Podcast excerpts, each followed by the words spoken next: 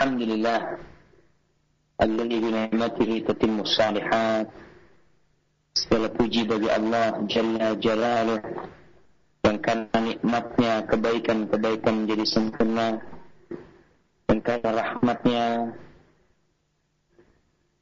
nikmat-nikmat yang Allah berikan kepada kita dapat kita manfaatkan Allahumma salli wa sallim وزد وبارك وأنعم على عبدك ورسولك حبيبنا ونبينا محمد Ya Allah, semoga salawatmu, semoga salammu, semoga berkah dan nikmatmu senantiasa kau tambahkan untuk hamba kekasihmu, untuk Nabi kita Muhammad Sallallahu Alaihi Wasallam, dan untuk keluarga beliau, untuk istri-istri beliau, untuk anak cucu beliau dan untuk para sahabat Nabi yang mereka telah melanjutkan perjuangan Rasul sallallahu alaihi wasallam dan menyampaikan risalah Rabbi.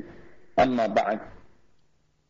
Alhamdulillah Allah memberikan kesempatan kepada kita untuk melanjutkan kajian kitab Al-Adabul Mufrad karya Imam Al-Bukhari rahimahullahu taala yang di bab sebelumnya. Bab nomor 34 berkaitan dengan silaturahim di mana yang disebut orang menyambung rahimnya bukanlah orang yang saling balas-balasan. Yang dia berkunjung kita berkunjung. Yang dia memberi hadiah kita membagi hadiah kepada dia.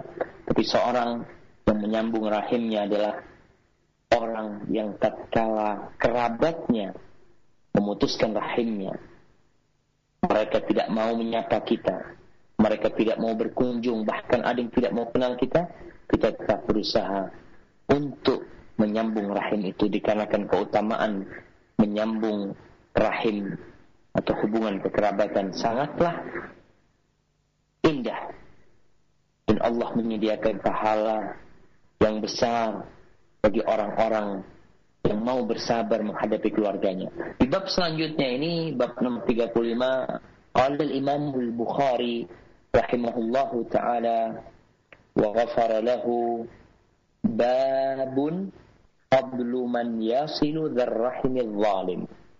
Bab keutamaan menyambung atau berbuat baik kepada keluarga yang zalim. Ingat, kata-kata zalim ini perlu digarisbawahi. Karena banyak pertanyaan biasanya berkaitan dengan kerabat yang zalim. Bagaimana kita nih Ustaz? Kerabatnya nggak mau tahu sama kita, bahkan kita yang udah kenal sunnah ini suka dicela, suka dicerca. Masa kita mau bantuin dia? Masa kita masih harus berbuat baik kepada kita? Maka kita akan menyimak di dalam hadis ini bagaimana Rasul sallallahu alaihi wasallam bersabda. Qala al-Imam Bukhari rahimahullah haddatsana Malik ibn Ismail. Telah mengajarkan kepada kami Malik bin Ismail. Nih gurunya Imam Bukhari rahimahullahu taala disebutkan dari Abu Hatim bahwasanya Malik bin Ismail ini memiliki keutamaan. Dia adalah sosok seorang yang soleh yang ahli ibadah, dia biasanya membawa dua sejadah. Kata Abu Hatim, "Kuntu idza nazartu ilaihi ra'aitu ka'annahu kharaja min qabrih." Subhanallah. Katanya Abu Hatim, aku kalau melihat, memandang Malik bin Ismail bin Dirham ini, seakan aku, aku melihat orang baru keluar dari kuburan. Subhanallah. Karena penuhnya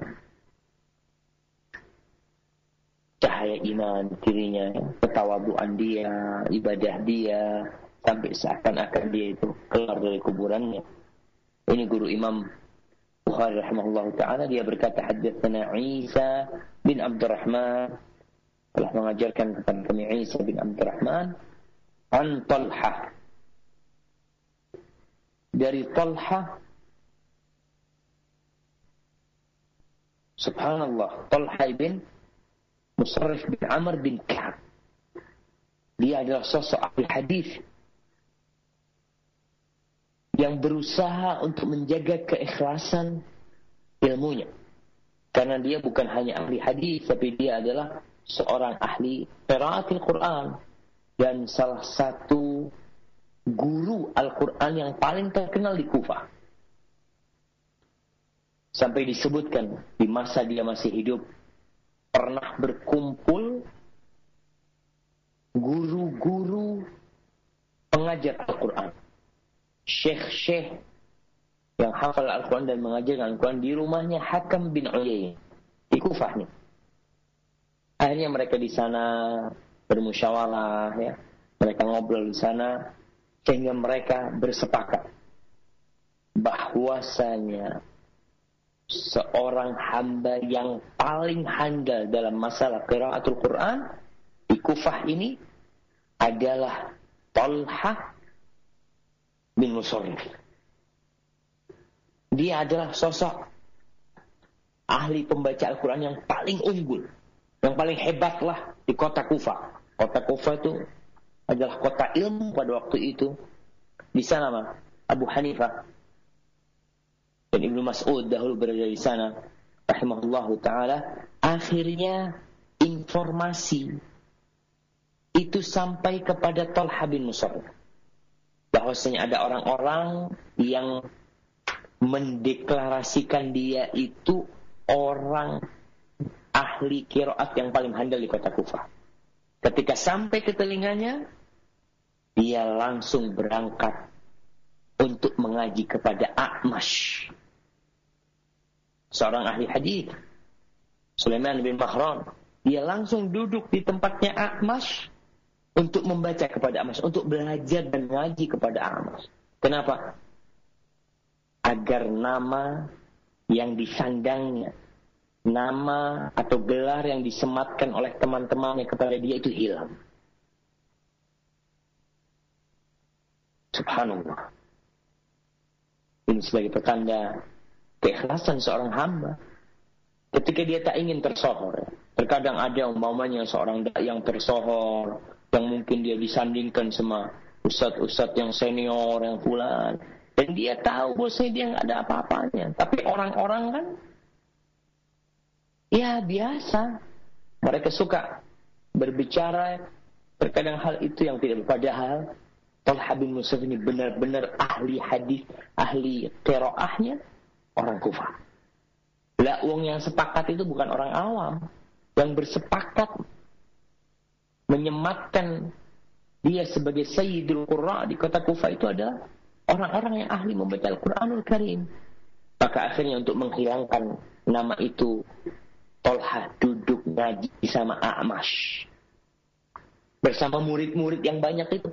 Duduk dia ngaji di situ. Agar apa? Agar nama bosnya dia sosok orang yang paling alim, yang paling pandai itu hilang dari itu. Dan ini perlu ya. Para da'i, para ustadz, ini menjaga hatinya. Sekali-kali dia duduk mengaji kepada ustadz-ustadz yang alim ya. Supaya ya nama yang disematkan kepada dia sebagai orang yang paling hebat itu tidak melekat di dirinya karena terkadang pujian dan sanjungan itu dapat merusak hati Para pendengar radio Raja dan radio Sunnah yang lainnya, para muslim rahimakumullah, Talha meriwayatkan dari Abdurrahman ibn Ausajah dari Barra bin Azib radhiyallahu taala anhu Barra ini adalah sosok sahabat yang begitu cintanya dengan jihad di jalan Allah Subhanahu wa taala. Dia ketika perang Uhud dia datang kepada Rasul mau ikut perang tapi sama Rasul ditolak. Karena pada waktu itu umurnya masih kecil. Maka dia ditolak oleh Rasul sallallahu alaihi wasallam. Al-Bara meriwayatkan qala jaa a'rabiyun. Pernah datang Arabi, seorang Badui, orang Arab dari padang pasir sana. Faqala ya Nabi Allah. Kemudian orang Badui ini bertanya kepada Rasul SAW. Dia mengatakan, Ya Nabi Allah subhanallah. Dia memanggil Nabi dengan ucapan Nabi Allah. Karena kita nggak boleh manggil Nabi dengan namanya memang. Alimni amalan yudkhilunil jannah. Subhanallah. Dia mengatakan, Ya Rasulullah, beri aku amalan agar aku masuk surga. Amalannya nih bukan supaya rizkinya lancar, usahanya sukses, bagaimana dia punya rumah, punya mobil. Tidak. Yang dia tanyakan kepada Nabi, Alimni amalan yudkhilunil jannah. Ajarkan kepada aku amalan yang buat aku masuk surga. Para muslim rahimakallah, tatkala berbincang surga ini dunia nggak ada artinya jemaah. Rasul sallallahu alaihi wasallam mengatakan la maudi'u sauti ahadikum fil jannah khairun min dunya wa ma fiha. Tempat pecutnya seseorang di surga, tempat pecut tuh berapa lebarnya tuh? Di surga, tempat pecutnya doang itu lebih baik dari dunia dan isi. Ini orang Badui tidak bertanya tentang urusan dunia. Dia tentang tanya gimana aku bisa masuk surga. Karena dia tahu bahwasanya di surga itu malah ainun ra'at, wala udhunun sami'at, wala khatara ala qalbi bashar. Surga itu Allah sediakan buat hambanya yang tidak pernah dilihat mata, yang tidak pernah didengar telinga, dan tidak pernah terbetik di hati manusia. Luasnya seluas langit dan bumi. Rasul mendengarkan permintaan orang Badui ini, maka beliau mengatakan, La in kunta aqsartal khutbah, laqad a'raddat a'radtal mas'alah. La in kunta aqsartal khutbah, laqad a'radtal mas'alah. Apa kata Rasul sallallahu alaihi wasallam? Kalau engkau dalam ucapanmu ini ringkas, dia nggak banyak ngomong. Pertanyaannya juga, kalau mau disebut ada berapa suku kata? Satu, dua, tiga, empat, lima, enam, tujuh. Itu cuma tujuh suku kata. Maka Nabi mengatakan kalau engkau mengucapkan satu perkataan, satu pidato yang pendek, tapi sebenarnya yang kau tanyakan adalah panjang sekali. Subhanallah. Maka Rasul sallallahu alaihi wasallam berkata, "Aqtiqin nasama." Bebaskan budak. Bebaskan budak kata Rasul SAW itu. Jadi kalau kau ini masuk surga, salah satu amalan yang membuat kau masuk surga dengan membebaskan budak. Wafukkar raqabah dan lepaskan budak. Maka Badui ini bertanya, awal awalaisata wahidan ya Rasulullah yang kau sampaikan itu bukankah sama? Satu. Membebaskan budak dan melepaskan budak. Maka kata Rasulullah SAW, La, la sama. Itku rokok, itku nasama, antuk tikan nasama. Yang namanya membebaskan budak adalah membebaskan budak. Dibebaskan dia, dilepaskan dia. Wafakkur raqabah antu'ina ala raqabah. Adapun melepaskan budak maksudnya adalah membantu bagaimana budak itu dilepaskan. Baik umpamanya baik masalah nyawa ya membebaskan leher seseorang mungkin dia seharusnya dihukum kisos tapi kita bantu dia mungkin dia seharusnya di penjara seumur hidup karena punya utang nggak bisa bayar kita berusaha untuk membantu dia agar dia di lepaskan. Itu maksud yang kedua. Wal manihatur raghub. Rasul sallallahu alaihi wasallam. Dan selanjutnya yang perlu kau lakukan adalah memberikan ya berbagi seekor unta yang dia itu dicintai. Yang banyak susunya ingin membagikan itu. Karena ini termasuk hal yang berat, membutuhkan biaya besar. Dan kita ingat dengan firman Allah Subhanahu wa taala, "Tanalul birra hatta tunfiqu mimma tuhibbun." Engkau tidak akan mencapai bir, tingkatan kebaikan yang di puncaknya sampai engkau menginfakkan, mensedekahkan yang kau cintai. Mani hati ini memberikan sesuatu yang dicintai. Yang bisa dicintai oleh orang-orang Arab itu adalah ya onta yang susunya banyak, yang indah, yang nggak kepingin itu diberikan orang. Tapi itu yang harus diberikan. Itu yang dianjurkan untuk diberikan. Demi mengharapkan surga. Kemudian yang selanjutnya wal fai'u ala dzirrahim dan berbuat baik kepada dirrahim kepada kerabat. Di dalam riwayat Baihaqi disebutkan di sini wal fai'u ala dzirrahimil zalim berbuat baik kepada keluarga yang zalim kerabat kita zalim, kita berbuat baik sama dia. Biasanya kita kalau sudah benci sama kerabat kita, kita tuh nggak mau berbuat baik karena kedoliman dia. Kita berkata, udah nggak perlu deket-deket sama fulan, dia zalim orangnya. Suka mengganggu, suka menyakiti. Tapi tetap kita berbuat baik sama dia karena itu salah satu pintu untuk masuk surga. Fa'ilam tutik gali. Kalau kau nggak bisa melakukan itu. Yang disebutkan barusan membebaskan budak, melepaskan leher seseorang yang seharusnya mati dia umpamanya dan berbagi sesuatu yang dicintai kemudian berbuat baik kepada kerabat yang walim kalau kau nggak mampu melakukan itu karena terkadang orang dia tidak mampu untuk membebaskan budak karena nggak punya duit atau memang dia punya budak satu-satunya. Dia tidak mampu berbagi sesuatu yang baik lah memang dia nggak ada yang dimiliki. Dan dia tidak berma tidak mampu berbuat baik kepada saudara yang zalim, kepada kerabat yang zalim karena mungkin ada faktor-faktor dia tidak bisa berangkat ke sana atau apa pun. Kalau kau tidak bisa melakukan itu tutik dzalik fa'mur bil ma'ruf wanha 'anil munkar.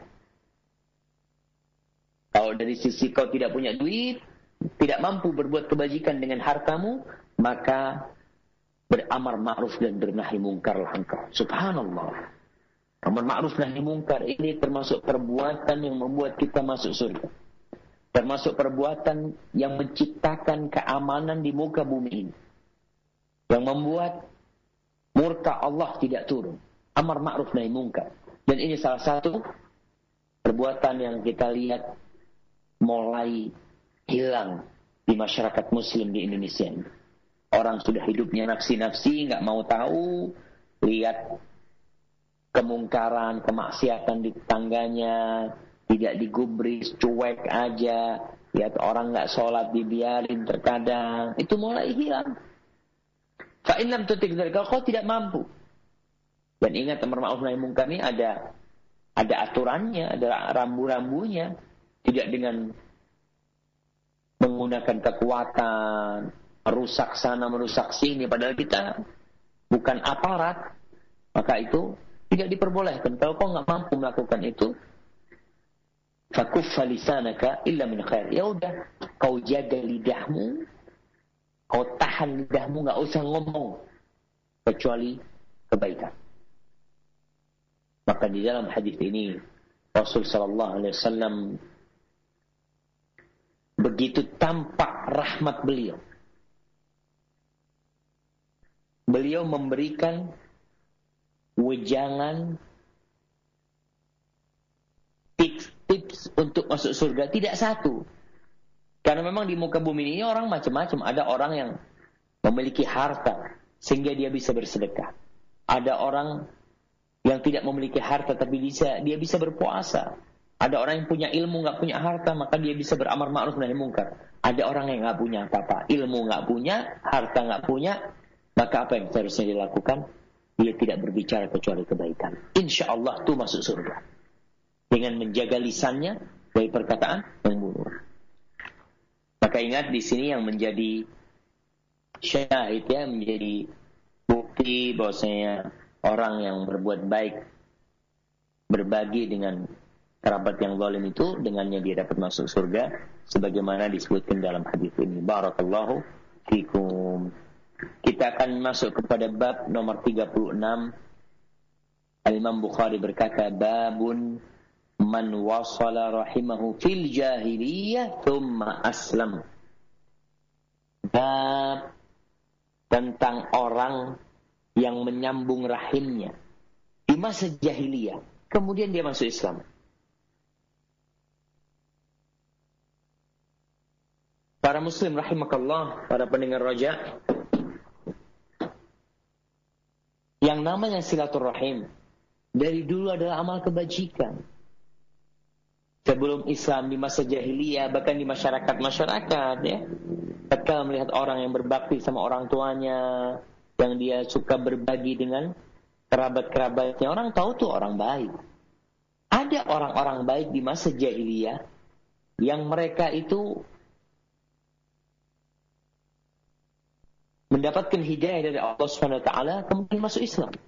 Bagaimana dengan kebaikan-kebaikan yang pernah dia lakukan itu? Imam Bukhari berkata, "Haddatsana Abu Yaman telah mengajarkan kepada kami Abu Yaman qala akhbarana Syu'aib telah mengajarkan kepada kami Syu'aib الزهري dari Zuhri Muhammad bin Muslim الزهري قال أخبرني عروة بن زبير عروة بن زبير berkata أن حكيم بن حزام أخبره bahwa Hakim bin Hizam radhiyallahu taala anhu pernah berkata kepadanya Hakim bin Hizam dia adalah keponakannya Khadijah radhiyallahu taala anha dia termasuk tokoh kaum Quraisy yang banyak kebajikannya di masa jahiliyah.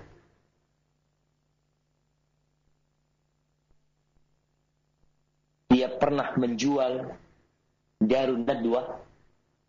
Dia, dia yang sebagai pengurusnya lah Darun Nadwa itu yang berada di Masjidil Haram. Di situ ada tempat perkumpulan orang-orang Quraisy. Di masa Muawiyah itu gedung dijual kepada Muawiyah dengan harga 100 ribu. Entah 100 ribu dirham, kan? Kalau qabanaka Muawiyah. Orang-orang mengatakan kau ditipu sama Muawiyah dengan harga segitu. Apa katanya? Karena itu dijual untuk jadi perluasan masjid.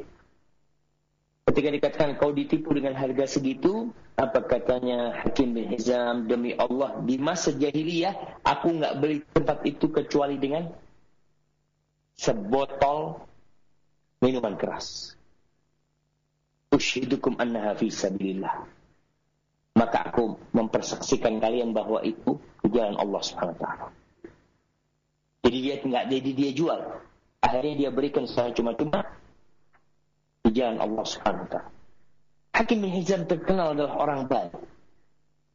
Sebelum masuk Islam, di masa jahiliyah karena ada orang-orang yang memang memiliki jiwa-jiwa baik tapi mungkin dia belum kenal Islam. Ketika dia masuk Islam, dia berkata kepada Rasul sallallahu alaihi wasallam, "Ara'aita umuran kuntu atahannatsu biha fil jahiliyah." Wahai Rasulullah, gimana pendapatmu tentang perkara-perkara yang aku lakukan di masa jahiliyah. Min silatin dan silaturahim ya berbuat baik sama kerabatku wa itaqatin aku membebaskan budak-budak wa sadaqatin dan sedekah-sedekah yang aku lakukan di masa jahiliyah sebelum masuk Islam fahalli fiha ajr hakim tidak hendak melakukan ria dia tidak hendak menceritakan kebaikan-kebaikan agar dia bangga aku pernah melakukan ini, ini itu tidak. Dia ada pertanyaan yang ingin dia tanyakan. Apakah kebajikan yang dia lakukan itu fahalli fiha ajrun? Kira-kira ada pahala enggak buat aku wahai Rasul sallallahu alaihi wasallam? Perbuatan-perbuatan baik di masa jahiliyah. Qala Hakim maka Hakim berkata, qala Rasulullah sallallahu alaihi wasallam, aslamta ala ma salafa min khair. Kata Nabi, wahai Hakim, kau masuk Islam, kau memeluk Islam ini bersama semua kebaikan yang pernah kau lakukan sebelumnya. Jadi semua kebaikan yang pernah dilakukan oleh seseorang sebelum dia masuk Islam itu akan terhitung sebagai kebaikan dia. Seorang ketika masuk Islam, Rasul sallallahu alaihi wasallam mengatakan at-taubatu tajubu ma qablahu wal Islam yajubu ma. Taubat itu akan menghapuskan yang sebelumnya. Islam itu akan menghapuskan yang sebelumnya. Seakan-akan orang yang masuk Islam itu seperti kertas putih bersih, Tidak. Yang bersih itu dosanya. Tapi amal kebajikan yang pernah dia lakukan ada di buku catatannya. Tercatat itu. Jadi bukan nol. Kebaikan dia umpamanya dia pernah membebaskan 100 budak itu akan ada di timbangan kebajikan dia. Akan terhitung. Dan ini salah satu fadlullah. Karena Allah Ar-Rahman Ar-Rahim. Urusan dosa Allah begitu telitnya. Mungkin maaf bahasanya salah. Allah Subhanahu wa taala perhitungan dosa itu satu-satu. Tapi untuk pahala satu sepuluh, satu bisa jadi tujuh ratus, satu bisa jadi berapa saja yang Allah kehendaki. Itu untuk urusan pahala. Makanya ketika seorang bertobat, dia akan dihapuskan dosa-dosanya, tapi kebajikannya tetap akan ada dalam timbangan dia, sebagaimana Rasul berkata kepada Hakim. Jadi orang yang berbuat baik di masa jahiliyah, mungkin dia dahulu agamanya bukan Islam, ya, dia nggak tahu sama Islam, kemudian dia masuk Islam tapi sudah pernah berbuat kebajikan, itu akan ada dalam catatan kebajikan dia. Kemudian di bab nomor 37 Imam Bukhari mengatakan babun silatu dzirrahimil musyrik wa tahdiyah. Bab berkaitan dengan berbuat baik terhadap kerabat yang musyrik dan memberikan hadiah. Gimana tuh hukum? Sebagian orang mungkin masuk Islam sehingga kerabatnya semua masih non muslim. Sebagian orang memang mungkin memiliki dia muslim, keluarga muslim tapi ada kerabat-kerabat ayahnya yang non muslim. Bagaimana hukumnya kita silaturahim dengan mereka? Imam Bukhari mengatakan haddatsana Muhammad bin Salam telah mengajarkan kepada kami Muhammad bin Salam Qala akhbarana Abdah telah mengajarkan kepada kami Abdah an Ubaidillah. Ubaidillah ini adalah Ubaidullah bin Umar bin Hafiz bin Asim. Salah satu tokoh ulama fikih salah satu dari tujuh tokoh ulama fikih yang ada di kota Madinah pada waktu itu. Dia termasuk yang alim, dia termasuk yang memiliki ilmu fikih yang begitu agungnya. An-Nafi' dia meriwayatkan dari Nafi' Maula bin Umar radhiyallahu taala rahimahullahu taala an ibni Umar dari ibnu Umar radhiyallahu taala anhu ra'a Umar hullatan sira jadi pernah pada suatu saat Umar radhiyallahu taala anhu melihat pakaian hullah ini adalah pakaian dua potong bawah sama atasan. Sira disebutkan adalah pakaian yang benang-benangnya itu benang-benang sutra. Faqala ya Rasulullah, "Law ishtarayta hadhihi falabistaha yawm al-jum'ah wa lil-wufud idza atawka." Wahai Rasulullah, andai kata engkau membeli baju ini. Kullah ini yang ada sutranya itu dan kau pakai pada waktu hari Jumat dan pada waktu berjumpa dengan duta-duta besar dari negeri-negeri yang datang kepada Rasul SAW. Jadi memang di dalam hadis ini kita bisa memahami atau mengambil faedah bahwa seorang pada hari Jumat itu pakai baju yang berbeda seorang ketika menjumpai orang-orang besar ya, dia ganti baju ketika dia umpamanya ceramah, dia pakai baju yang bagus, itu bukan termasuk ria atau munafik, bukan. Karena memang di setiap tempat itu ada etikanya. Umar bin Khattab ketika mengatakan itu, dia mengatakan, ya Rasulullah kalau kau pakai itu, bagus ya. Menghadapi orang-orang itu, bagus. Faqala ya Umar, innama yalbasu hadhi man khalaqana. Wahai Umar, yang pakai pakaian ini adalah orang yang tidak ada bagian bagi dia di akhirat kelak. Pakaiannya orang kafir maksud. Karena kita tahu seorang muslim nggak boleh pakai sutra kecuali yang wanita. Diperbolehkan bagi mereka untuk memakai sutra, sutra yang dari dari ulat sutra itu. Kalau sutra kadang-kadang sekarang ada sutra-sutra bikinan tidak termasuk di hukumnya itu. Thumma uhdiya lin Nabi SAW minha hulal. Kemudian setelah berselang beberapa waktu Nabi SAW mendapatkan hadiah. Hadiah dari negeri-negeri seberang atau dari siapa beliau mendapatkan hadiah pakaian-pakaian yang tadi itu Umar menyuruh Nabi untuk membelinya. Ini mau dikasih hadiah, Nabi-Nabi nggak mau. Ketika Nabi mendapatkan pakaian itu, dikirimlah salah satunya hadiah buat Umar bin Khattab.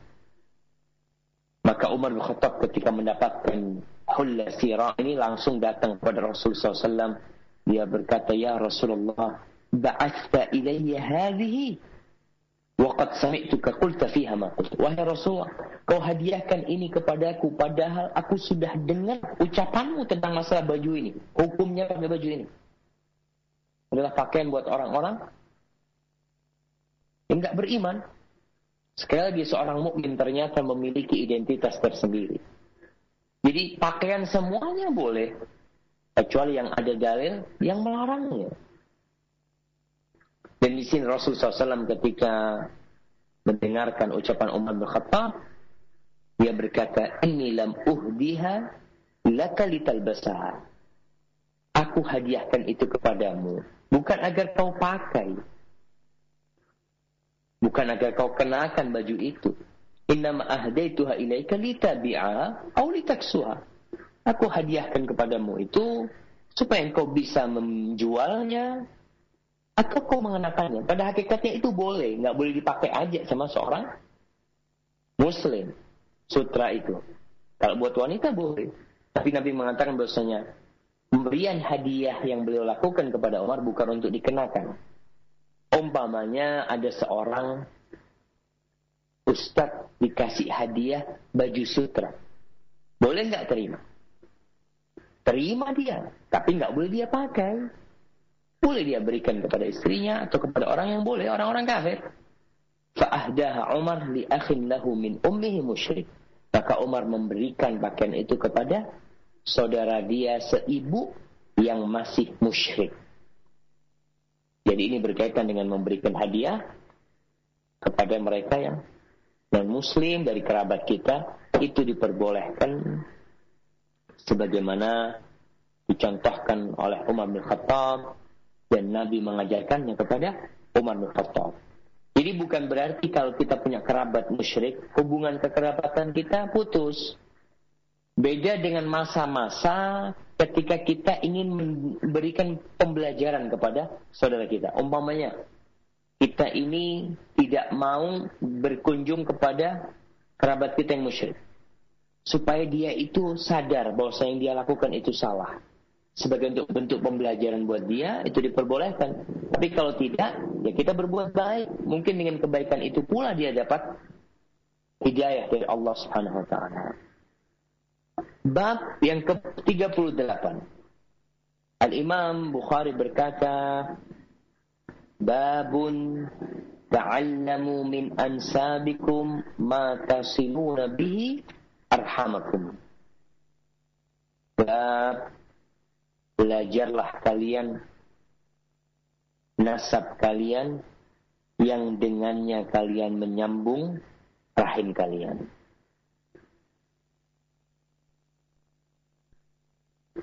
Jadi ini bab adalah potongan dari hadis yang akan kita baca. Bagaimana seorang muslim dapat menyambung rahimnya? Dapat berbuat baik kepada kerabatnya. Kalau dia nggak tahu sama nasabnya. Nyapa belajar nasab ini sarana untuk silaturahim. Jadi wajib. Kita tahu hukum silaturahim wajib. Kalau kita nggak tahu sama nasab kita, berarti kita tidak bisa melakukan silaturahim. Subhanallah ya, di beberapa negeri, umpamanya di Malaysia, di Singapura yang Melayu itu, mereka masih mencantumkan di kartu identitas mereka itu bin. Fulan bin Fulan.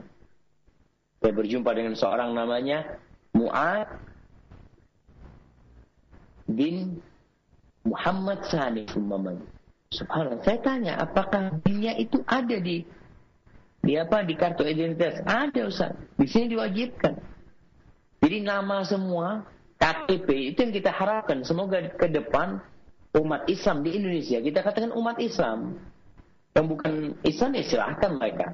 Tapi yang umat Islam berusahalah untuk mencantumkan di KTP-nya itu bin. Jadi kalau kasih nama anaknya itu dia tulis langsung umpamanya namanya anaknya Khalid dan bapak namanya Walid. Khalid bin Walid. Dan itu akan mempermudah. Jadi anak tuh tahu dia anaknya siapa. Masih banyak ya. Atau sudah berkurang sekarang. Dulu itu ada orang-orang tua kalau kita jumpa sama mereka ya. Dia tanya sama kita. Min, kita siapa nama ente? Syafiq. Bin Min, dia tanya anaknya siapa? Bin Riza. Bin Min, anaknya siapa tuh Riza? Bin Hasan. Hasan Min, Hasan bahasa lama. Oh, anak tahu sama kakek ente. Jadi dia tahu ketika binnya itu nyambung, maka orang akan kenal. Begitu pula dengan masalah silaturahim ini. Ketika kita tahu sama nasab kita, kita jumpa semua orang di jalan, apa namanya? Ini fulan bin fulan. Oh, ente ternyata masih sepupu dua kali sama anak. Kenapa? Karena fulan itu satu saudara, mamanya kakeknya itu satu saudara sebenarnya.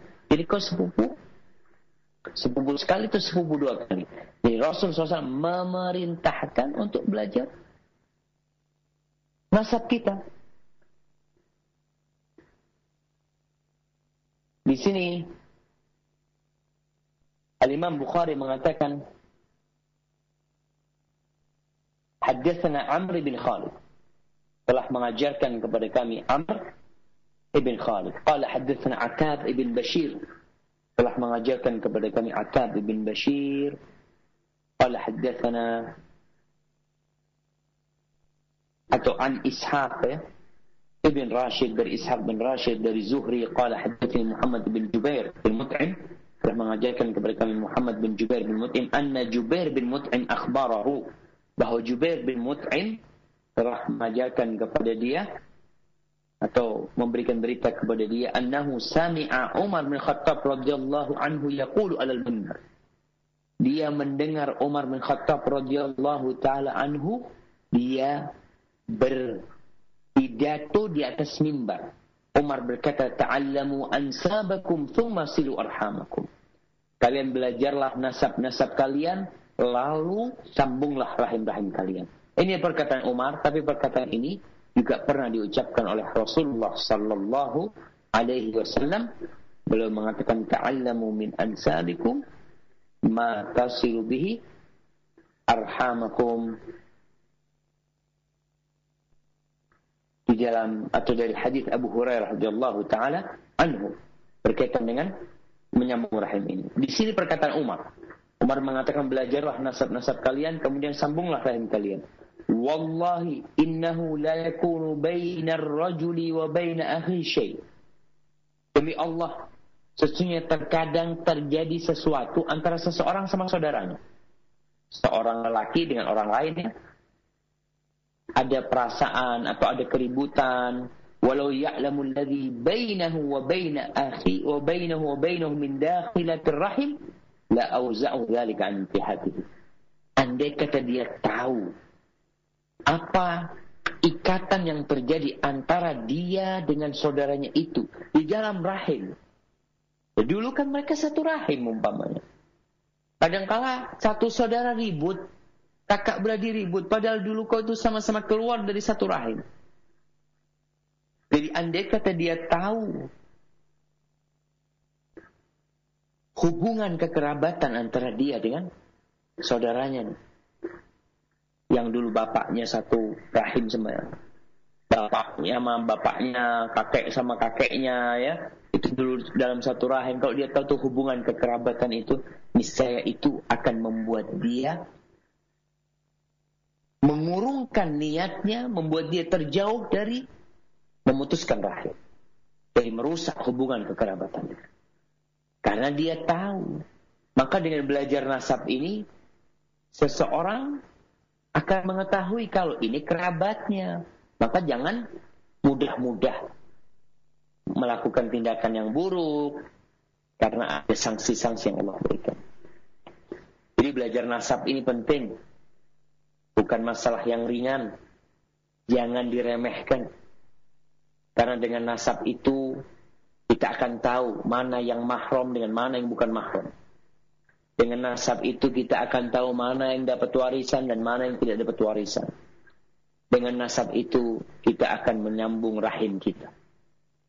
Maka tolong khususnya buat ya para pendengar yang nggak hafal dengan nama kakek dan kakeknya, mulai dia menghafalnya, kemudian diajarkan kepada anaknya. Sehingga anaknya itu tahu nama dia, nama bapaknya, nama kakeknya, dan mudah-mudahan kalau bisa ditulis di KTP itu semua seperti itu. Fulan bin Fulan bin Fulan. Sehingga langsung anaknya itu akan menghafal. Dan orang-orang akan tahu Fulan, anaknya Fulan. Fulan, cucunya Fulan. Seperti itu. Asar yang kedua yang disebutkan di sini. Asar dari Ibnu Abbas radhiyallahu taala anhu.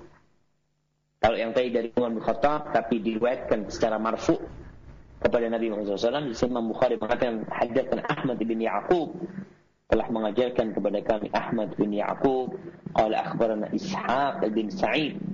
Telah mengajarkan kepada kami Ishaq bin Sa'id bin Amr annahu sami'a abahu. Lihat perkataannya dan kita lihat hadis-hadis ini. Mesti ada binnya. Kalau nggak ada binnya berarti dia orang yang sudah terkenal tapi kalau belum terkenal, mereka dikasih tahu bosnya atau Ishak ini banyak. Yang dimaksud Ishak ini siapa? Imam Bukhari mengatakan yang mengajarkan kepada gurunya ini adalah Ishak bin Sa'id bin Amr. Annahu sami'a abahu. Bahwa dia mendengar ayahnya. Siapa ayahnya? Sa'id bin Amr. Yuhadithu an ibni Abbas. Meriwayatkan dari Ibnu Abbas. Sudah terkenal Ibnu Abbas. Abdullah bin Abbas bin Abdul Muttalib bin Hashim ma'ruf. Paman Rasul anak paman Rasul SAW Ibnu Abbas berkata ihfadu ansabakum tasilu arhamakum. Kalian hafalkan tuh nasab-nasab kalian dengannya kalian menyambung rahim kalian. Ya, sekali lagi bahwa sarana seorang rahim adalah nasab. Jadi kalau kita pegang nasab tuh kita hafal nasab kita akan tahu. Ente mau ke mana? Anda mau ke rumahnya keponakan anak. Anda mau ke rumahnya anak paman anak, sepupu anak. Atau cucu keponakan. Atau gimana? Karena memang syaratnya kita harus hafal nasab. Jadi Ibnu Abbas mengatakan, eh fadu hafalkan tuh. Ingat hadis ini diriwayatkan secara marfu kepada Nabi. Nabi juga nyuruh. Sahabat-sahabatnya juga nyuruh. Mereka memerintahkan. Mungkin sudah mulai ada generasi yang tidak menghafalkan nasab mereka. Karena memang beberapa negeri itu tidak menghafalkan nasab mereka. Tapi Islam, karena memiliki hukum-hukum yang berkaitan dengan nasab, maka diperintahkan untuk menghafalkan nasab kita. Bagaimana dalam riwayat Ibnu Abbas ini? Fa innahu la bu'da birrahim idza qarubat wa in kanat ba'idatan. Sesungguhnya tidak ada yang jauh dengan rahim. Kalau dia itu dekat. Jadi kalau kerabat itu kalau sudah dekat, wa in kanat ba'idatan. Walaupun dia itu jauh, dia kalau dekat masih kerabat. Wala qurba biha idza ba'udat wa in kanat qaribatan. Ya dengan rahim itu tidak ada yang dekat dengan nasab tentunya ketika orang dengan masalah nasab ini Iza ba'udat kalau dia itu jauh walaupun umpamanya dekat tapi karena hubungan nasabnya jauh ya dia jauh kerabatnya itu. Tapi yang jelas kita dengan belajar nasab kita akan tahu mana kerabat dekat kita, mana kerabat jauh kita. Terkadang kalau ditanya, Fulan kau masih ada hubungan dengan Fulan? Iya, tapi jauh. Ya maksudnya bukan jauh hubungannya, tapi jarak nasabnya itu jauh.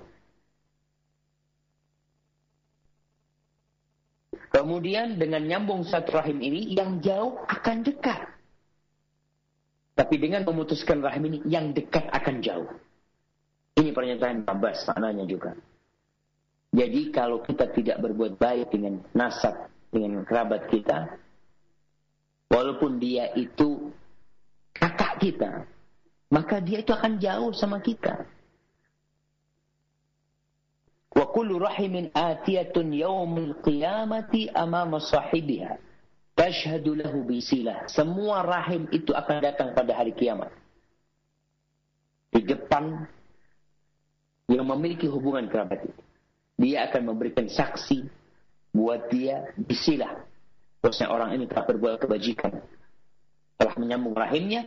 In kana wasolaha. Kalau dia menyambung rahimnya wa alaih dan dia akan memberikan kesaksian buruk bagi orang ini.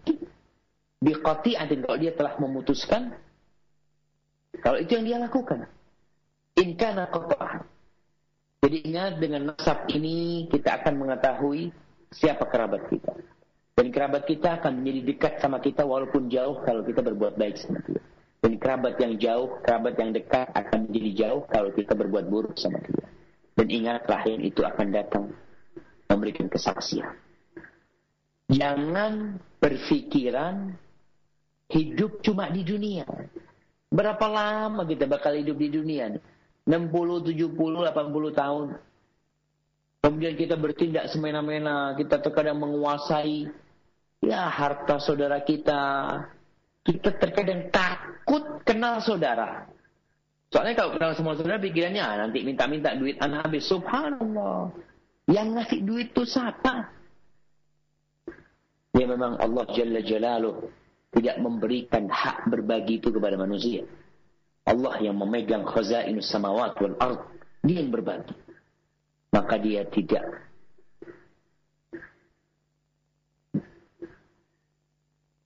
Allah Jalla Jalaluh berbagi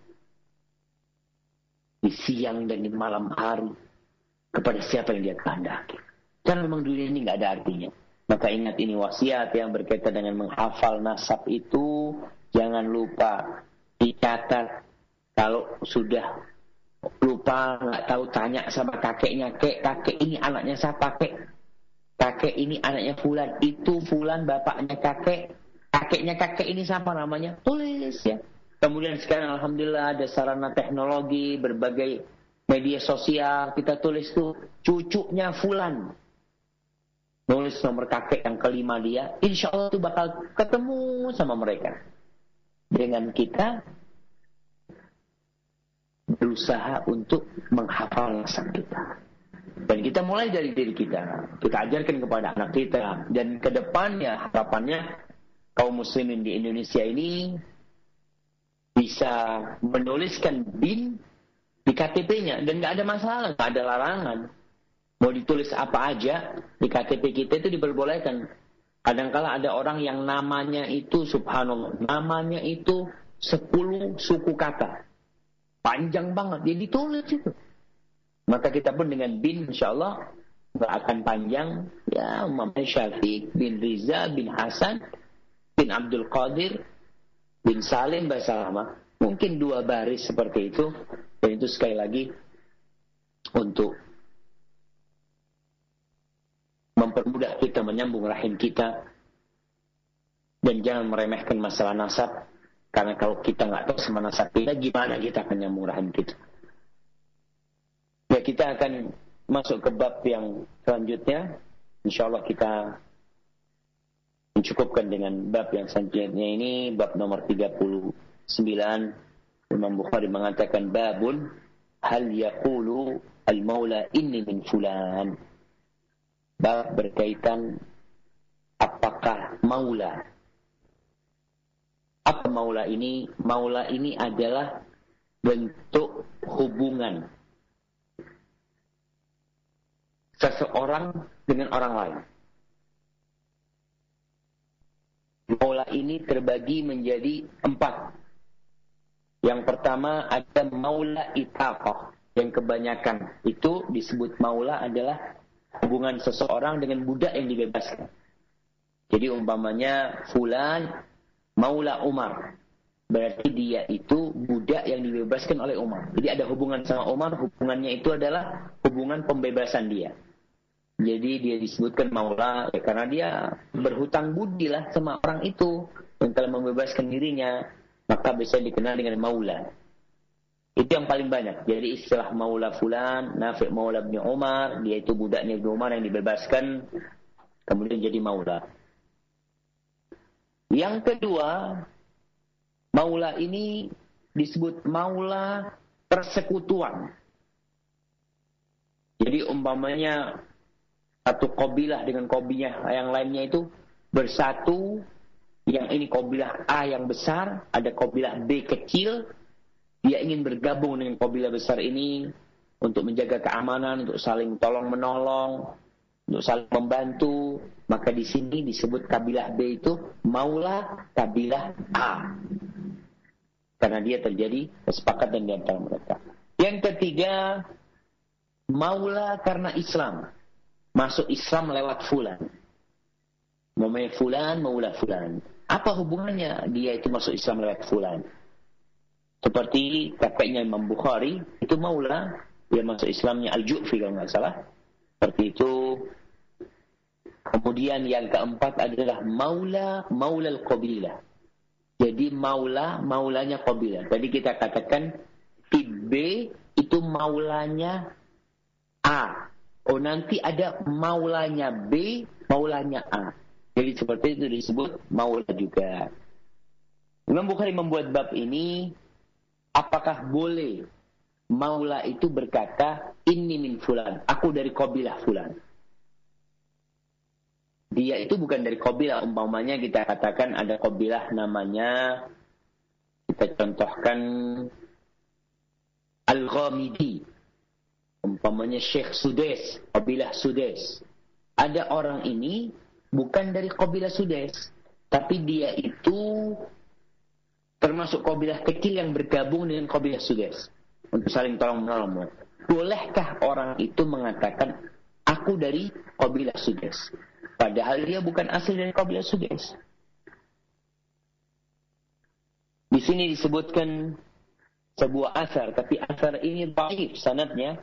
Imam Bukhari menghadirkan Musa bin Ismail, dia berkata hadatsana Abdul Wahid bin Ziyad. Mengajarkan kepada Abdul Wahid bin Ziyad dia berkata hadatsana Wa'il bin Dawud Al-Laitsi dia berkata hadatsana Abdul Rahman bin Habib. Qala qala li Abdullah bin Umar. Telah berkata kepada Abdullah bin Umar mimman anta? Engkau dari kabilah mana? Katanya Abdullah bin Umar. Qultu min Taim Tamim. Dari Taimnya Bani Tamim min anfusim atau min mawalihim oh termasuk asli kabilah itu atau maula mereka. Qultu min mawalihim. Qala fahal la qulta min mawalihim. Kata dia, aku bukan asli, tapi aku dari maula mereka, dari gabungan mereka lah. Kemudian Ibnu Umar mengatakan, kenapa kau tidak berkata dari pertama? Kalau kau itu dari mawali, tidak mengatakan dari tainnya Bani Tamim. Ketika mengatakan dari maulanya, Bani Tamim seperti itu. Ini perkataan Ibnu Umar, tapi ini asar dhaif karena pada hakikatnya boleh seorang mengatakan dari kelompok bulan sebagaimana di bab yang selanjutnya Imam Bukhari mengatakan babun maulal qaum min anfusihim bab maula suatu kaum satu kabilah itu termasuk dari golongan asli mereka insyaallah kita akan lanjutkan pada pekan yang akan datang Itulah mungkin yang bisa kita kaji pada kesempatan kali ini. Kurang lebihnya mohon maaf. Kita kembali ke studio Raja bersama Akh Abdul Ghaffar. Kali tafadhal masyhur.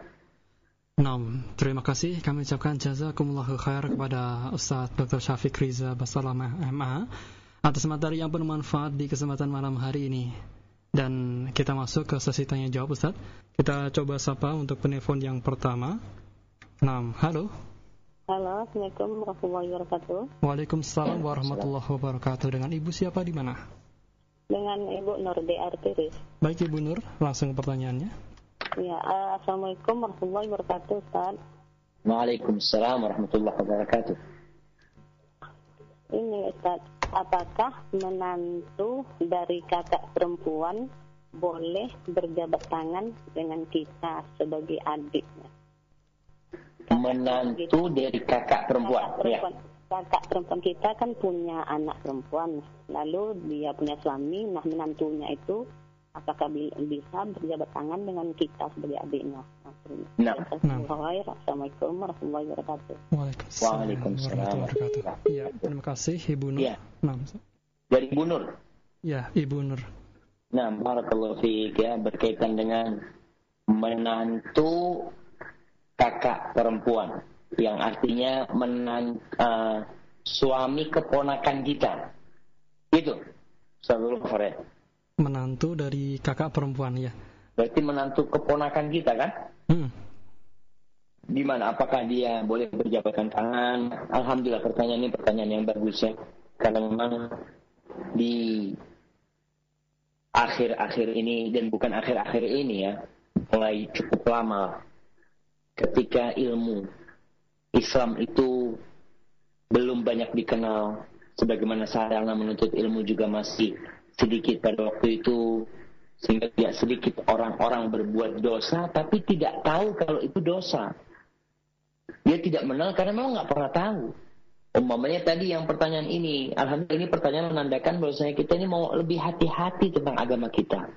Dulu kita salaman sama semua sama sepupu kita ya sama istri paman kita semuanya kita salamani karena pikiran kita mereka adalah saudara gitu tapi ternyata ada hukum lain di dalam Islam berkaitan dengan ini jadi kita tahu suami keponakan kita kalau ini perempuan yang bertanya suami keponakan kita dia bukan mahram, maka kita tidak boleh bersalaman dengan dengan mereka.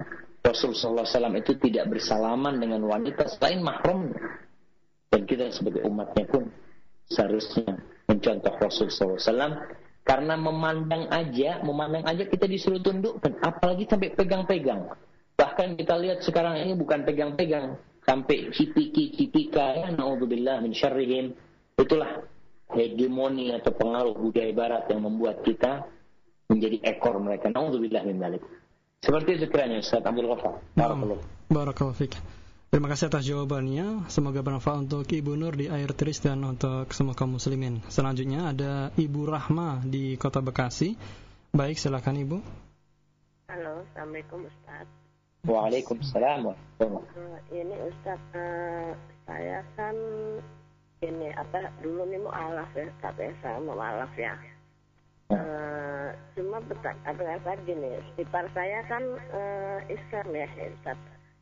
Tapi saat ini ada karena masalah uh, putus hubungan silaturahmi saya sama mereka. Ya, apa dengan karena ada masalah sama anak saya, tapi saya yang nyemusuhin karena sebagai ibunya mungkin ya dampak dari itu ya Ustaz ya. Saya memperbaiki silaturahmi, tapi mereka nggak mau Ustaz. Itu gimana ya Ustaz ya? Dan ap- apakah karena saya mualaf itu saya terlalu hina di mata mereka atau gimana Ustaz itu? Apakah mereka belum masuk Islam juga, Bu. Siapa? Yang dimaksud tersebut eh, bukan Saya. seorang muslim. Saya. Nah, Saya dulu mualaf, saya mualaf. ya saudara yang memusuhi ibu tersebut bukan seorang Orang muslim. Islam, Islam. Dari awal Islam saya kan nikah sama ini kakaknya mereka gitu Ustaz. Iya. Ada masalah sama anak saya, tapi saya sebagai ibunya memang kena dampak dimusuhin. Oke. Eh, Suami selama ibu udah meninggal? bu- Ya, Suami? ya, udah. Oh, suami Eh, eh, meninggal, Udah, udah ya. meninggal. Karena ada masalah sama anak saya, jadi sebagai ibunya memang saya dampak dari itu kan ya. Jadi saya dimusuhin dan saya mau menjalin silaturahmi karena saya takut kan. Tapi mereka Iya. nggak mau terima gitu. Subhanallah. Apakah eh, ini Ustadz, apakah seorang mu, bekas mualaf apa mualaf itu apa hina di mata mereka atau gimana Ustadz gitu? Saya jadinya gimana gitu sampai saya pe- pergi haji pun apa hadiah dari saya tuh dipulangin segitu hinanya atau gimana Ustadz? Jadi saya tuh Subhanallah. gimana Ustadz? Kalau mereka nggak mau terima maaf dari saya itu gimana gitu? Baik, Ibu Rahma, pertanyaannya sudah kami tangkap insya Allah. Iya. Barak. Terima kasih Ustadz. Assalamualaikum.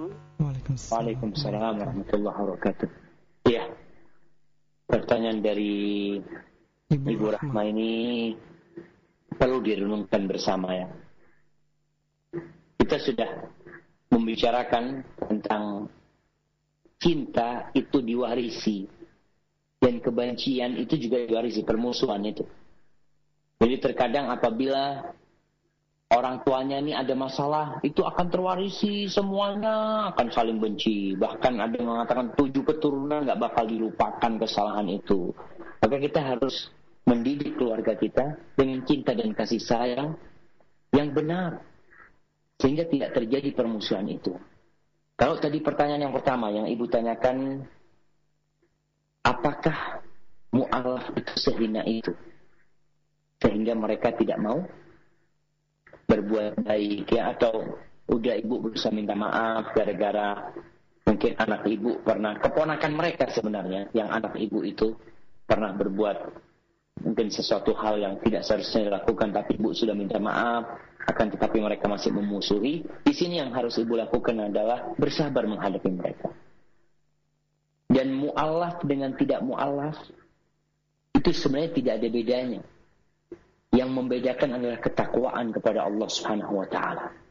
Inna akramakum indallahi atqakum. Yang paling baik di antara kalian, yang paling mulia adalah yang paling bertakwa.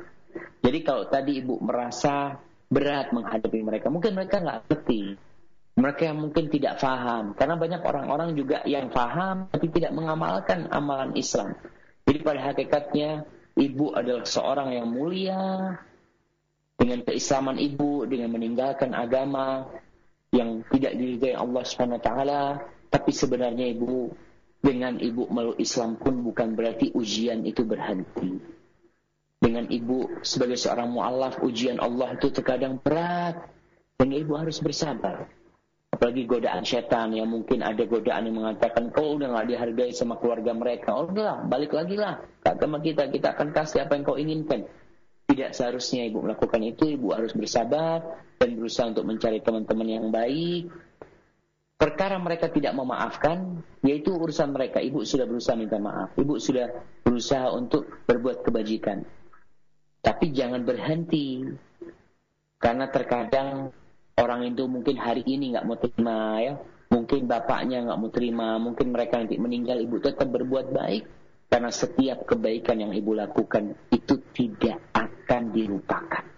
Faman ya'mal mithqala dzarratin khairan yarah. Sekecil zarrah, sekecil atom pun akan ibu dapatkan. Dan yang ketiga, ketika ibu berbuat baik dengan mereka, jangan mengharapkan balasan dari mereka. Kalau ibu mengharapkan balasan dari mereka, yang ada sakit hati. Kita kalau minta balasan sama manusia yang ada sakit hati, kita mikir dia akan katakan terima kasih, ternyata dibalikin hadiah. Tapi ibu mengatakan bahwasanya ibu melakukan itu adalah untuk Allah Subhanahu wa taala. Kau terima nggak terima Allah sudah tahu ibu memberikan. Wallahu a'lam.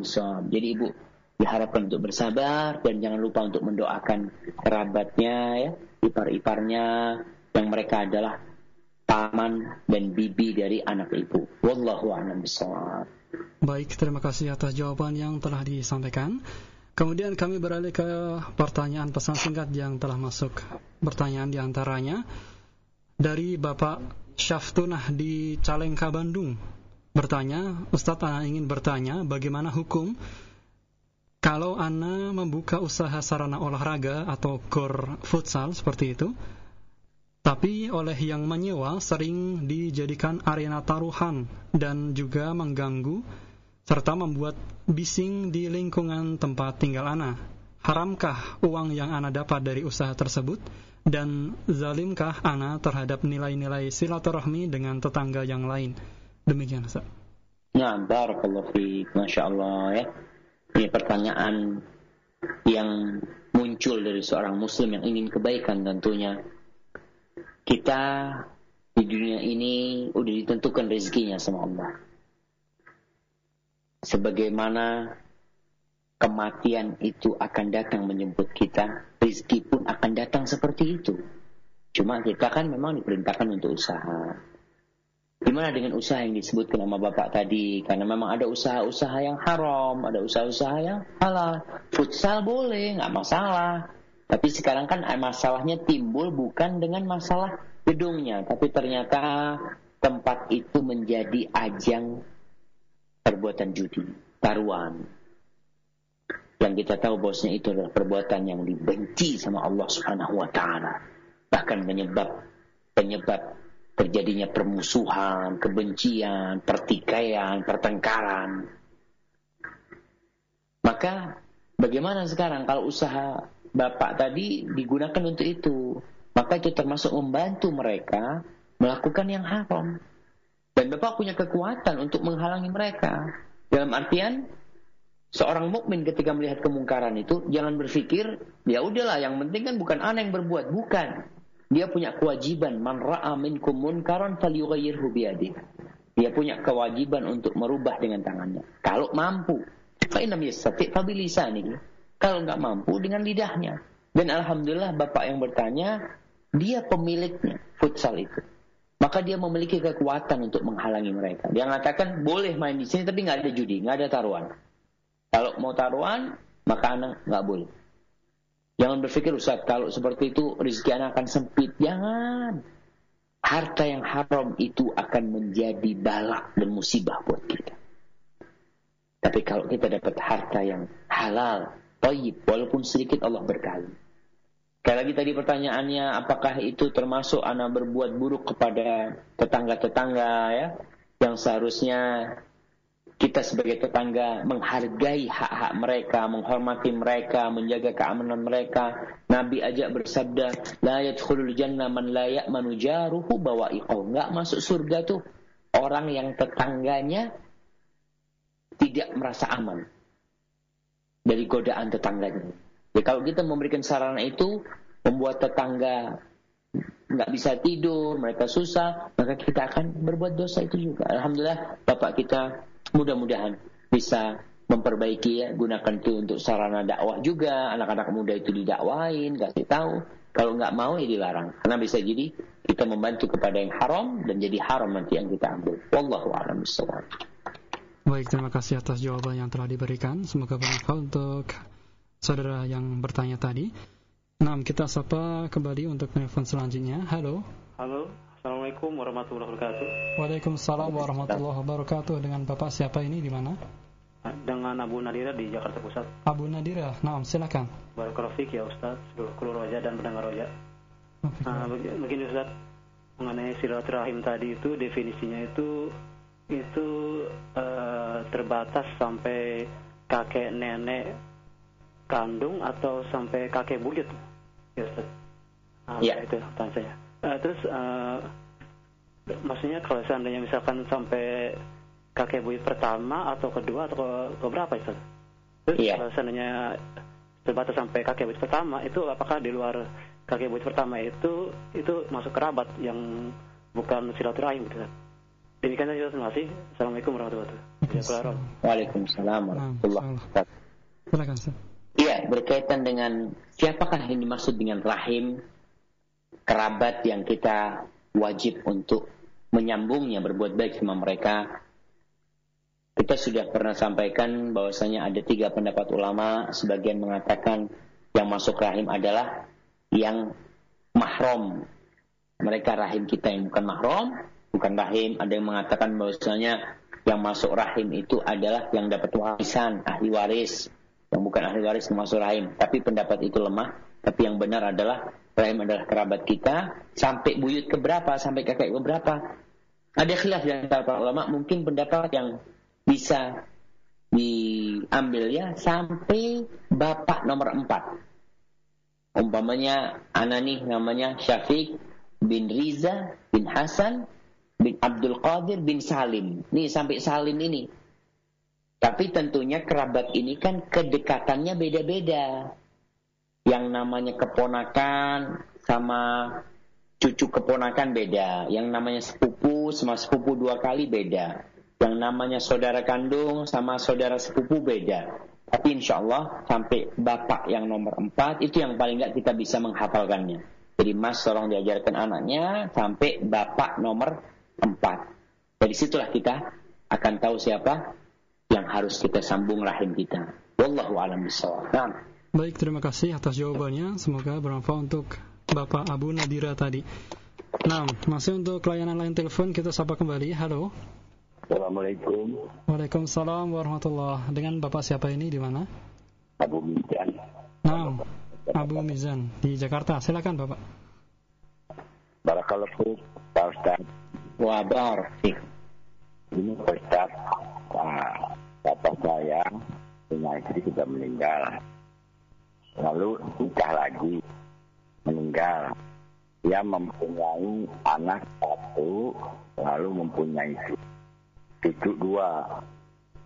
Apakah saya keanakan perkawinan eh nah, itu ada tiga kan nasab perkawinan dan perbuduan ini kita ambil perkawinan bagaimana saya terhadap cucu itu Pak Ustaz apakah mahram kalau wanitanya atau kan ke ibunya apa mahram atau bukan karena sudah meninggal ibu tiri saya Ustaz.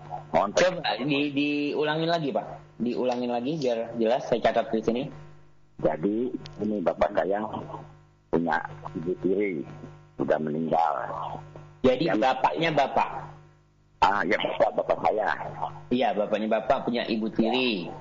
punya anak satu, lalu anaknya perempuan. Ini anak dari bapak atau anaknya ibu tiri? Anak ibu tiri bawa bawaan. Oh, jadi ibu tiri bawa anak. Oke. Satu bawa cucu dua, berarti ya Bawa cucu, dua laki dan Oh. perempuan si anak ini punya anak dua. dua. Oke. Ya. Apakah perempuan? masih mahram terhadap anak cucu atau cucu yang perempuan Pak Ustaz? Gitu. Apakah bapak mahram sama anaknya atau sama cucunya itu? Ya. Perempuan ini bukan laki. Ya, yang perempuan. Nah, kan. Kan ada mahram sementara ada mahram lanjut itu. Mohon pencerahan Pak Ustaz. Assalamualaikum warahmatullahi wabarakatuh. Waalaikumsalam warahmatullahi Ya, wabarakatuh. Masya Allah. Nah, Ustaz silakan. Ya, alhamdulillah. Mudah-mudahan Anda bisa tangkap ini. ah.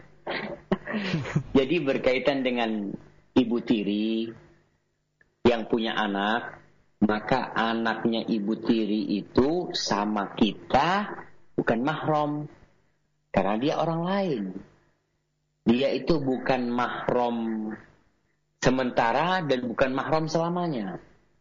Karena dia memang anaknya orang lain gitu loh.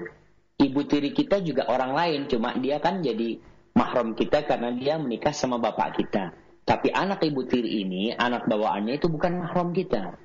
Kalau dia sudah bukan mahram berarti turunannya ke bawah pun bukan mahram sama kita.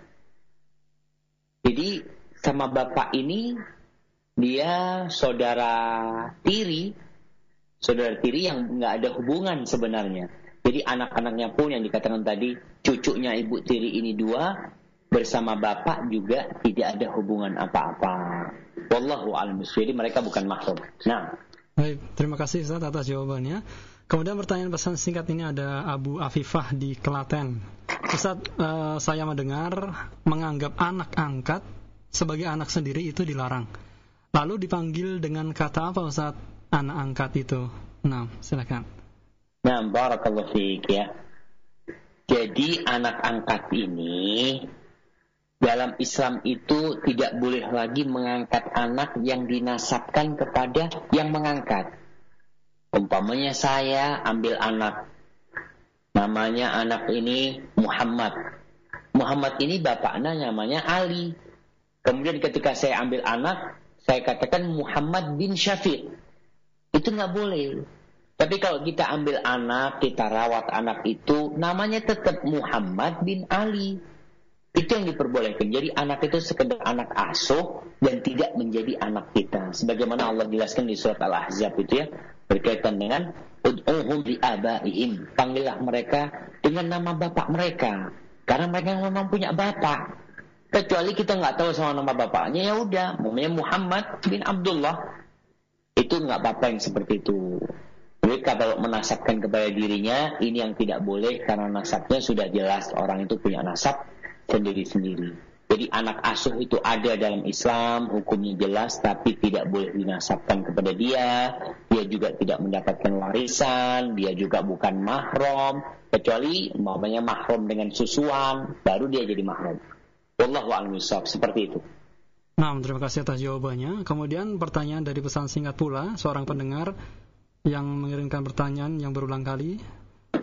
Ya, tapi tidak menyebutkan namanya. Ustadz, apakah anak dari kakak atau adik ibu kita uh, bukan mahram dan tidak boleh berjabat tangan ya?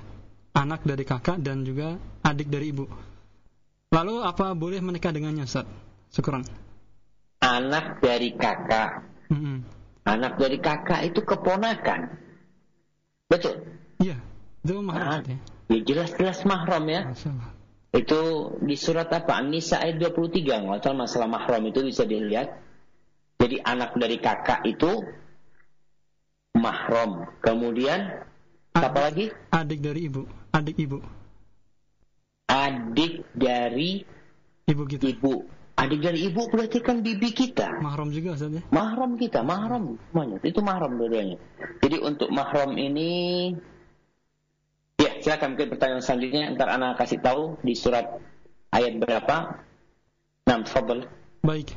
Nah, kita berikan kesempatan untuk penanya yang selanjutnya masih di layanan layan telepon kita berikan. Kita sapa. Halo. Assalamualaikum. Waalaikumsalam. Baik. Dengan Ibu di mana? Dari Ummu Fauzan dari Depok. Ummu Fauzan Depok, silakan Ummu. Oh, Assalamualaikum Pak Ustadz. Waalaikumsalam warahmatullahi Kalau anak dari tante gimana mahram nggak Ustaz? Nah. Laki-laki. Ya. Iya. Terima kasih Pak Ustaz. Assalamualaikum warahmatullahi wabarakatuh. Nah. Iya berkaitan dengan mahram ini tolong nanti dibuka di surat An-Nisa ayat 23 yang tadi saya sebutkan di surat An-Nisa ayat 22 23 di situ Allah menyebutkan tentang mahram ini siapa saja jadi yang mahram ini mungkin saya akan bacakan. Hurrimat alaikum ummahatukum. Allah mengharamkan bagi kalian ibunda-ibunda kalian. Wa banatukum. Putri-putri kalian. Wa akhawatukum. Saudari-saudari kalian. Wa ammatukum. Bibi-bibi kalian. Bibi dari pihak ayah. Saudara-saudara atau saudari-saudari ayah kita. Wa khalatukum. Dan bibi dari ibunda kita. Wabanatul akhi, anak saudara kita, ini keponakan. Wabanatul ukhti, anak saudari kita, keponakan kita. Wa ummahatukum allati arda'nakum dan ibunda kalian yang menyusui kalian. Wa akhawatukum minar radha'ah dan saudari-saudari kalian satu susuan. Kemudian wa ummahatun nisaikum dan ibu mertua kalian waraba ibukum allati fi hujurikum dan anak bawaan istri kita yang tinggal bersama kita allati dakhaltum bihinna yang kalian telah masuk dengan mereka fa in lam takunu dakhaltum bihinna fala junaha alaikum wa halailu abnaikum. Kemudian istri istri anak kita itu mahram. Istri anak kandung kita ya. Kalau istri anak tiri ya nggak masuk. Istri anak kandung kita Kemudian yang termasuk mahram. Mahram sementara wa antajma'u bainal ukhtain mengumpulkan dua saudari itu nggak boleh. Itu mahram. Ipar kita, ipar perempuan kita itu dia mahram sementara, tapi tidak mahram yang dikatakan kita boleh berjabatan dengan dia itu tidak tidak boleh. Jadi kalau tadi dikatakan apakah anak tante itu mahram? Bukan, karena dia sepupu. Kalau tante kita atau paman kita, dia adalah mahram sama kita. Jadi kalau sepupu, ya bahasa Indonesia sepupu. Nah, ya. Betul, betul nggak sepupu? Anak tante benar, Ustaz. Tante ya, anak, uh, saudaranya bapak atau ibu kan? Iya. Kemudian itu, punya anak. Iya punya anak, berarti sepupu sama kita ya. itu kan? Itu bukan mahram, kita boleh nikah sama dia. Cuma memang gini, di masyarakat kita ini karena memang kurangnya ilmu dan pengaruh tradisi, mereka menganggap bahwasanya sepupu itu saudara, kau itu jangan terlalu apalah kata dia. Kadang-kala mereka jalan bareng, kalau ketemu salaman, ya karena mereka adalah mahram, tapi tidak. Karena kita tahu untuk tahu mahram tuh baca tuh di surat An-Nisa ayat 23. Wallahu a'lam bishawab. Nah. Baik, terima kasih atas penjelasan yang cukup jelas dan semoga dapat difahami pula untuk penanya dan juga kaum muslimin yang lainnya. Masih di layanan lain telepon kita berikan untuk kesempatan selanjutnya. Nah, kita sapa. Halo. Halo, Assalamualaikum. Waalaikumsalam warahmatullahi Dengan siapa ini? Di mana? dengan hamba Allah di Jakarta. Baik, Bapak hamba Allah silakan. Assalamualaikum Ustaz. Waalaikumsalam warahmatullahi wabarakatuh. Saya mau nanya nih Ustaz, lewat dari tema sedikit. Uh, bagaimana uh, supaya kita ini cerdas dalam menghadapi di apa namanya di pergaulan di kalangan masyarakat gitu Ustaz.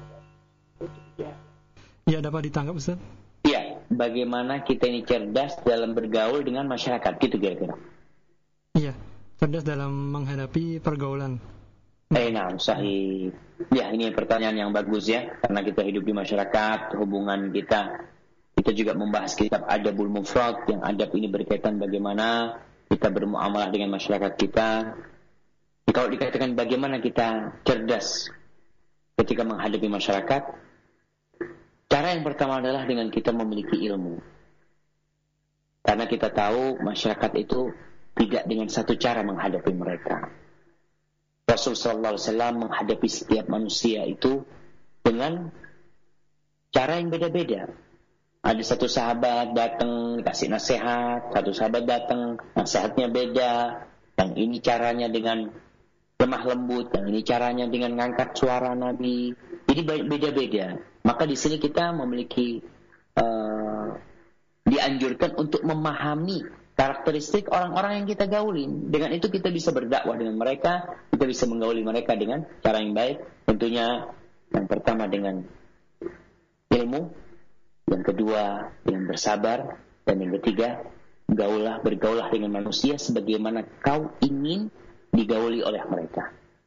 Kalau kau tahu dicubit itu sakit, jangan mencubit mereka. Kalau kau tahu ditipu itu nggak enak rasanya, jangan menipu mereka. Karena itu salah satu ciri orang yang cerdas tatkala dia menghadapi masyarakat dan selalu berdoa memohon kepada Allah agar Allah memberikan hidayah kepada kita dan masyarakat kita. Wallahu a'lam bishawab. Nah, terima kasih atas jawabannya. Di sini ada pertanyaan pesan singkat Ustaz berkenan dengan Kayaknya terakhir nih. Baik. Berkenan dengan mahram tadi uh, penanya mengatakan Ustaz lalu bagaimana uh, sahabat Ali menikah dengan Fatimah Ustaz? Mungkin uh, minta dijelaskan. Nah, masya Allah, ya betul. Tadi kan sudah kita bacakan bahwasanya sepupu itu bukan mahram. Anak tante, anak paman, ya. Hubungan sahabat Ali dengan Ali sama Rasul SAW adalah sepupu. Jadi Ali sama Nabi ini sepupu. Jadi Fatimah, uh, Ali umpamanya begini. Ali punya saudara perempuan. Ali punya saudara perempuan sama Nabi sepupu. Nabi boleh nikah sama sepupunya. Sebagaimana Ali boleh menikah dengan anaknya Nabi karena Ali sama Nabi ini bukan saudara kandung. Jadi Fatimah radhiyallahu taala anha adalah anak sepupu Ali, bukan anak saudaranya Ali. Yang tidak boleh kan anak saudara, saudara kandung. Saya nggak boleh nikah dengan anak kakak saya. Saya nggak boleh nikah dengan anak adik saya karena itu keponakan saya. Tapi saya boleh nikah dengan anak sepupu saya. Sebagaimana Ali dengan Rasul SAW hubungannya adalah sepupu. Hubungan sepupu maka Ali boleh menikah dengan anak Rasul SAW yang dia adalah anak keponakannya. Anak saudara sepupu Ali tapi bukan saudara kandung. Jadi yang nggak boleh itu anak saudara kandung. Seperti itu kiranya. Anak saudara kandung atau anak saudara sesusu itu sama. Karena dia masuk keponakan langsung. Wallahu a'lam Kayaknya gitu. Baik, Alhamdulillah. Semoga jelas dan dapat difahami untuk kita semua. Berhubung pertanyaan tersebut merupakan pertanyaan terakhir, Ustaz, silakan diberikan ikhtam dalam perjumpaan kita ini, Ustaz. Nah, barakallahu fiik, jazakallah khair kepada para pendengar Radio Roja dan Radio Rusun yang lainnya. Semoga kita ini apa yang kita kaji tentang masalah silaturahim berkaitan dengan kerabat-kerabat yang zalim, berkaitan dengan masalah menghafal nasab kita, mempelajari nasab kita, itu menjadi renungan buat kita sehingga dalam kehidupan ini, dalam bermasyarakat, kita semakin dewasa. Kita semakin faham dengan agama Islam ini. Karena banyak orang benci sama Islam. Gara-gara orang Islam yang tidak mengamalkan Islam dengan benar. Maka tolong kita berusaha untuk lebih baik lagi mengamalkan agama Allah ini. Dan insya Allah semua pada akhirnya akan meninggalkan dunia ini dan akan mempertanggungjawabkan amal perbuatannya. Dan kita mengharapkan agar Allah mengampuni dosa-dosa kita dan memasukkan kita ke surganya. Wallahu a'lam sampai berjumpa kembali. Assalamualaikum warahmatullahi wabarakatuh